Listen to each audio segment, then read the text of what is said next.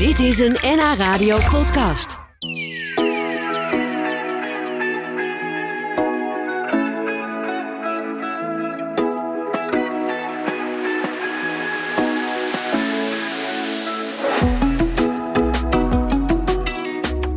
Als het aan de Noord-Hollandse zakenvrouw Elske Doets ligt, dan vragen we in de toekomst helemaal niet meer aan elkaar hoe oud we eigenlijk zijn. En leven en werken alle generaties zoveel mogelijk lekker door elkaar heen. Waarom dat een goed idee zou zijn, dat beschrijft ze in haar boek De leeftijdloze samenleving. Dat klinkt als een utopie, een mooie droom. En vandaag is Elske bij ons te gast. Welkom. Elske, we hebben elkaar vaker gesproken in het verleden. hoe gaat het met je? zijn. Ja, Ja, goed. Ik ben blij om in jullie mooie studio in Hilversum nu te zijn. ja. En je bent eh, onlangs vijftiger geworden, schrijf je Ja. ook in het boek. Zag je daar tegenop? Viel het mee? Of tegen? Eh, Ja, dan moet je eerlijk zijn natuurlijk, hè? nou, het is wel een moment waarop je natuurlijk gaat nadenken. eh, omdat, ja, wie is het gegeven om 100 te gaan worden? Ja, Dus, en ja, dan ga je ook nadenken van, jeetje, wat, wat, zijn, eh, wat betekent dat eigenlijk, ouder worden? Hè, volgens de doktoren ben je echt, als je 50 bent, dan, eh, ja, dan word je echt serieuzer bekeken. ja. ja. Dus, dan ben je eh, opeens een senior, een 50-plusser. Dan krijg je, Ja. Vroeger kreeg je een roze strippenkaart, dat soort dingen. Ja, Toch? inderdaad. Ja, maar Dus- zo voel je je nog niet, denk ik. Nee, nee, nee. Eh, dus dat is natuurlijk de grote, eh, grote verrassing inderdaad van, van het ouder worden, Ja. om dat zo te noemen. En eh, ik heb zelf natuurlijk ook een team voor mij werken, die eh, eh, natuurlijk ook inderdaad eh, mensen in mijn organisatie die ouder zijn, als stok oud zien. Hè? Maar is dat ook echt zo? En dat Ja. is natuurlijk een van de vragen die natuurlijk ook heeft geleid tot dit boek. Ja, daar gaan we het zo uitgebreid over hebben. Leuk dat je er bent, Elske. En eh, ja, 50ers zijn natuurlijk al helemaal niet oud. Maar in jouw boek gaat het ook over 70ers, 80ers en 90ers. Die nog Zelfs heel veel 100-jarigen. kunnen. Zo is het ook. Leuk. We gaan er zo meer over horen. Elske Doets is vandaag bij mij te gast. Je schrijft onder andere over ontmoetingen met senioren. Het is, het is, ook senioren is alweer zo'n woord, maar dat klinkt Ja. misschien wel beter dan ouderen. Met senioren die nog lang niet klaar zijn om stilletjes op de bank te gaan zitten, ondanks dat ze misschien al 90 zijn. Eh, Waren zij ook een beetje de aanleiding om hier eens over te gaan schrijven? Of was dat toch vooral dat je zelf de 50, de grens van de 50 passeerde? Nou, eigenlijk is de aanleiding geweest een van mijn pupillen van de Young Lady Business Academy, eh, Emma Dekker. Zij staat ook in het boek. Eh, zij heeft een, zij eh, studeert Business Administration aan de Erasmus in Rotterdam, maar zij werkt al heel lang in de ouderenzorg. En zij heeft een onderzoek gedaan vlak voor corona over eh, ja, de effectiviteit van zorgrobots. eh, ter bestrijding van eenzaamheid van ouderen. Dus dat was nog voor corona. Want toen is natuurlijk pas die eenzaamheid thematiek naar boven gekomen. En dat heeft Emma aan mij gepresenteerd. En toen raakte ik ontzettend ge- gefascineerd door een vrouw die eigenlijk de hele dag haar stem niet hoorde. Zo eenzaam was ze. Oh, En eh, toen dacht ik, jeetje. eh, ik, sowieso zijn die young ladies van mij in die academy... die zijn heel erg maatschappelijk betrokken. Toen dacht ik, jeetje, ik ben ondernemer... en ik verdien mijn geld met reizen organiseren. Ik zou mij graag ook eh, maatschappelijk in willen zetten. En dan niet alleen maar voor jonge vrouwen... maar ook voor andere leeftijdscategorieën. Dus eigenlijk is Emma de aanleiding geworden... En toen ben ik mij heel erg gaan verdiepen in dat, die thematiek van vergrijzing. ja. Want als je kijkt naar Nederland of het, de westerse wereld, dan is dus eh, meer dan 50% eh boven de 50. ja. Terwijl als je kijkt naar de hele wereld, dan is dus eh, meer dan 50% onder de 27 jaar. Dus ook als je reist en naar andere continenten gaat dan Europa, dan word je dus ook heel erg eh, geconfronteerd als je weer terugkomt met die ja, grijsheid ja eigenlijk. de hier. grijze golf. Ja. En dat je denkt, jeetje, eh, wat, wat, wat, wat doen die mensen en wat, wat, ja, wat, wat, wat zijn er nog voor kansen in plaats van zoals politici dit helaas, tot mijn grote verdriet, vaak benaderen. Namelijk een probleem. Dat ze zeggen, ouderen zijn kwetsbaar, ouderen zijn eenzaam en ouderen zijn een, een kostenpost. Ja, En dat, dat, dat, is raakt mij gewoon heel Ja, erg. dat is ook en heel ik, erg. ik begrijp ja. ook niet, dus ze zitten nu weer volop in campagnetijd. Dat ze dat niet op een andere manier framen. Ja, jouw boek is heel anders. Want jij schrijft heel erg over de kracht en, en uh, bijzondere kanten van ouderen die we nog kunnen gebruiken. Maar je bent daarvoor onder andere gaan meelopen in zorginstellingen voor ouderen. Uh, je hebt ook heel veel mensen gesproken die werken in de zorg, maar ook mensen die wonen in die instellingen. Uh, ben je geschrokken van wat je daar hoorde en vooral wat je meemaakte? Ik schrok namelijk wel van toen ik het las, wat je meemaakte. Ja, nou ja, ik heb dus uh, samen met Emma dus een buddy-project opgezet. Dat is dus ook echt een maatschappelijke onderneming, dus waarmee ik geen geld wil verdienen. Dus zo ben ik inderdaad echt in contact gekomen met die hele wereld. En wat ik het meest treffende eigenlijk vind, is dat uh, daar mensen leven, de, de laatste fase van hun leven doorbrengen, en die is vaak heel kort. En dat er dus helemaal geen urgentie op de een of andere manier is uh, om hen echt nog mens te kunnen laten zijn. Dus wij gingen bijvoorbeeld een aantal buddies leveren in een uh, tehuis ergens in Noord-Holland. En toen vroeg ik van oké, okay, hartstikke leuk. Uh, super indrukwekkend dat dit mensen zijn van boven de 100 zelfs. Dat, ik had echt zoiets van wow, ik heb nog nooit een 100-jarige ontmoet. Nee. Vond ik echt helemaal bijzonder. Toen zei ik, maar wat hebben die mensen allemaal gedaan in hun leven? En sommige woonden inderdaad in dat huis, dat is een wat andersoortig huis waar je langer woont. Die woonden daar soms al jaren. En toen zei die directrice tegen mij: Ik uh, moet eerlijk zeggen dat ik het gewoon niet weet.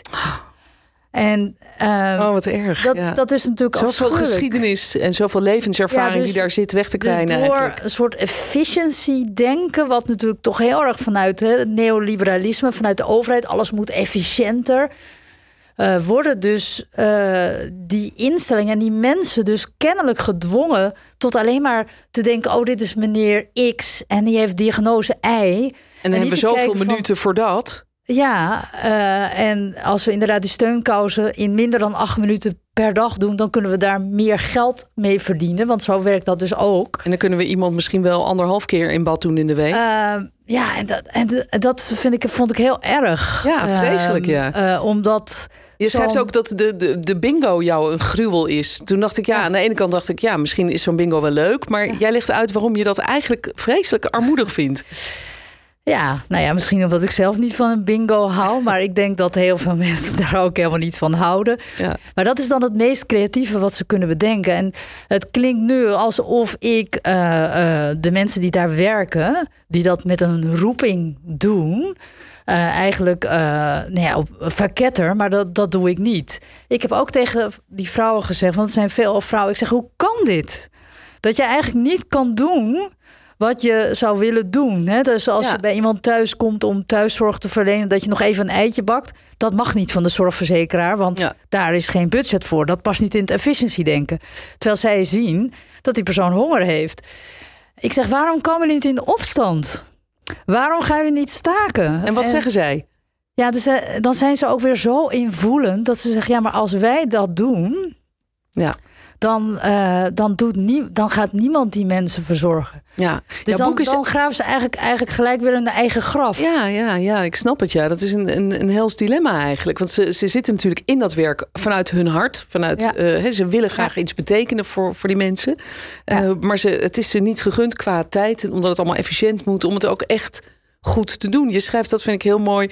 Ik zou liever ergens in zo'n... Dus we moeten altijd een uh, soort samenvatting doen van wat hebben we vandaag gedaan. Nou, zoveel steunkousen aangetrokken, zoveel ja. uh, koffie rondgebracht. Dat er, het zou zo fijn zijn als er eens ergens zou staan... we hebben een kwartier lang dubbel gelegen van de lach. Hoe ja. mooi zou dat zijn? Nou ja, ik heb ook ervaring inderdaad uh, over dat wij een soort project deden... met een heleboel leerlingen van de mbo-school in een zorginstelling... En toen ging opeens een hele tafel van acht mensen ging keihard lachen. En toen schrokken die medewerkers gewoon. Want als je daar binnenkomt, zitten al die mensen in een soort schemerkamers al half nou ja, te versterven. Ja, te ze dan opeens gaan leven, dat ik denk, jeetje, dit is toch wat, dit is toch wat iedereen zou willen. Ja. Uh, dat ze niet weggestopt zitten, want ze zitten natuurlijk vaak ook achter gesloten deuren. Maar dat ze, net als in andere culturen, in Zuid-Europa, maar ook in China heb ik dat gezien dat ze gewoon nog lekker in het restaurant uh, met een uh, telraampje ja. uh, alles in de gaten houden. Daar blijven dus ze hebben ze wel een hele grote smartphone ook in hun zak zitten naast het telraampje. Maar ja. dat ze nog onderdeel zijn van het proces. Wat kunnen, kunnen wij leren van de mensen die ouder zijn dan wij? Van de tachtigers, negentiggers, en 100-jarigen? Ehm, nou ja, wat mijn persoonlijke ervaring is, door bijvoorbeeld met een 100-jarige te gaan wandelen elke week. En dat heb ik ook nog met een 95-jarige dame gedaan. Is dat, uh, dat mensen zijn die ehm, veel minder keuzerijkdom hebben gehad dan wij. Die hebben vaak natuurlijk ook een oorlog meegemaakt. Waardoor ze niet bijvoorbeeld hebben kunnen studeren. Ehm, eigenlijk ook veel tevredener zijn met kleine dingen. Ja, waardoor ik dat een hele louterende ervaring vond voor mijzelf. Ik werd als het ware stilgezet daardoor. Ja, ja. Ik maakte bijvoorbeeld ook de grote fout door te denken dat naast een wandeling wij dan ook nog een kopje koffie gingen drinken en dan ook nog een kaarsje aansteken in een kerk. Terwijl uh, naar buiten komen al een hoogtepunt is, want dat doen mensen vaak helemaal niet. Ze komen gewoon niet naar buiten. Ja. Dus uh, ja, dat, uh, dus dat, dat, dat, dat vond ik heel erg mooi. En als je dan kijkt naar jongeren, omdat mijn buddyproject heel erg gefocust op jongere mensen koppelen aan ouderen, en die kunnen dus 80 plus zijn veelal. Um, die hebben natuurlijk heel veel stress eigenlijk. Hè? Die hebben klimaatstress, die hebben ja. woonstress, die hebben studieschuldstress, die hebben keuzestress. Heel veel jongeren krijgen een burn-out ook, hè, tegenwoordig. Precies. Ja. Um, dus uh, en, en vaak denken senioren van jeetje, wat zijn dat voor tiere zieltjes. Uh, denken ook ten aanzien van het klimaat van nou, mijn tijd zal het allemaal wel duren. En ik denk dat het gewoon ontzettend uh, rustgevend kan zijn, ook voor die jongeren, om met iemand in aanmerking te komen die, die ja, al die hordes al genomen heeft. Ja, en die misschien zelfs een oorlog heeft meegemaakt. Precies, en, En, en armoede en precies. echt andere tijden. En als je bijvoorbeeld kijkt naar het werkproces, want dat is natuurlijk ook iets wat heel boeiend is. Uh, als je kijkt dat Nederland he, meer dan 50% boven de 50 jaar is. Uh, elk uh, grote organisatie heeft tegenwoordig een diversiteits- en inclusiepolicy of officer nou ja, uh, die zich daarvoor sterk maken. En dan wordt vaak alleen maar gekeken naar seksen of achtergrond.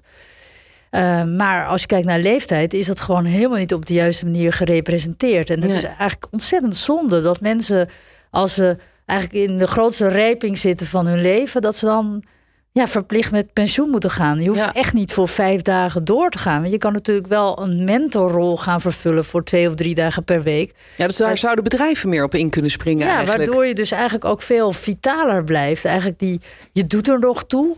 En dat helpt ook heel erg mee aan je positieve gezondheid. Hè? Dat, dat, zo noemen ze dat.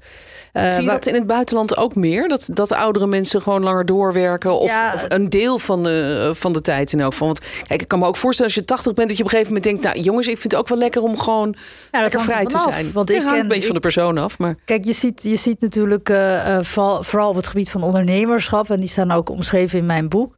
Uh, en dat zie je ook in het buitenland. Op het moment dat het een ondernemerschap is, dan is dat veel normaler. En dat gaat in Nederland ook veel normaler worden.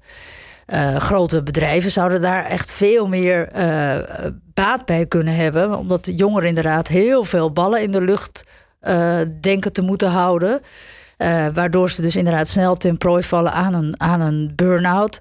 En als je natuurlijk veel meer doet met die balans tussen jong en oud, breng je ook veel meer rust ja. Uh, in, in een organisatie. Maar daar zijn ze helemaal nog niet mee bezig. En het grappige is, als je bijvoorbeeld kijkt in mijn boek, uh, staat een heel mooi voorbeeld in van Ben Akkerman.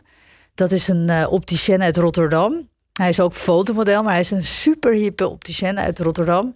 En hij was dus al met pensioen. En hij werd gek van de gesprekken die hij had met al zijn vrienden, die ook allemaal met pensioen waren. Dat ging nergens meer over. Oh, ja. En toen dacht hij, ik wil gewoon doen waar ik blij van word. En hij is al zijn hele leven opticien. En hij is, het eh, is zijn doel, en ik durf te zeggen dat dat zo is, uh, want ik heb hem geïnterviewd voor dit boek.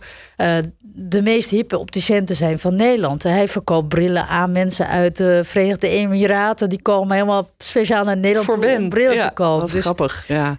Ja, en hij zegt, ja, nu, nu ben ik gewoon veel gelukkiger. Hij heeft ook zijn lichamelijke problemen. Want ja, die komen, uh, hoe ouder je wordt met de jaar. Maar hij zegt, ja, die levensvreugde is zo groot... dat, dat mij gewoon vitaler houdt. Kijk, en dan zijn we waar we willen zijn, toch? Dan is het zowel voor de mensen om hem heen als voor hemzelf veel fijner om, om een beetje door te kunnen. En ehm, een pleidooi voor ehm, ja, meer betrokkenheid eigenlijk bij de ouderen, de senioren in onze samenleving. Hou ze erbij. Laten we meer door elkaar heen wonen en werken. Laten we alles wat zij in huis hebben, hun ervaringen gebruiken eigenlijk. En uh, ja, daar op leunen in, in, in onze samenleving. In plaats van ze achter een geranium te zetten. Dit was een NH Radio podcast. Voor meer, ga naar nhradio.nl NH Radio.